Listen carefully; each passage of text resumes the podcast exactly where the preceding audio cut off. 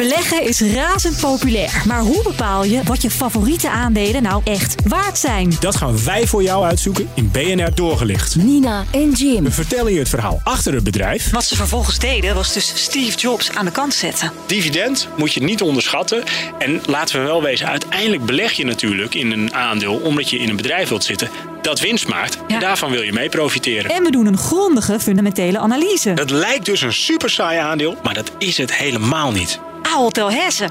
Dat is toch wel een heel boeiend bedrijf. Natuurlijk hier in Nederland vooral bekend als moederbedrijf van eh, de Appie. Albert Heijn, de Bol.com, eh, Ethos, de Gal en Gal.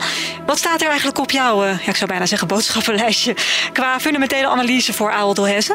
Nou, om nog even verder door te trekken. In de bonus, de omzet, winst, eh, dividend, vrije kaststroom en de operationele marge. Nou, dat wordt hamsteren volgende week. Elke vrijdagavond om 7 uur doorgelicht op BNR. Of zoek hem op in je podcast app. Doorgelicht wordt mede mogelijk gemaakt door de Giro. Financial Power to you.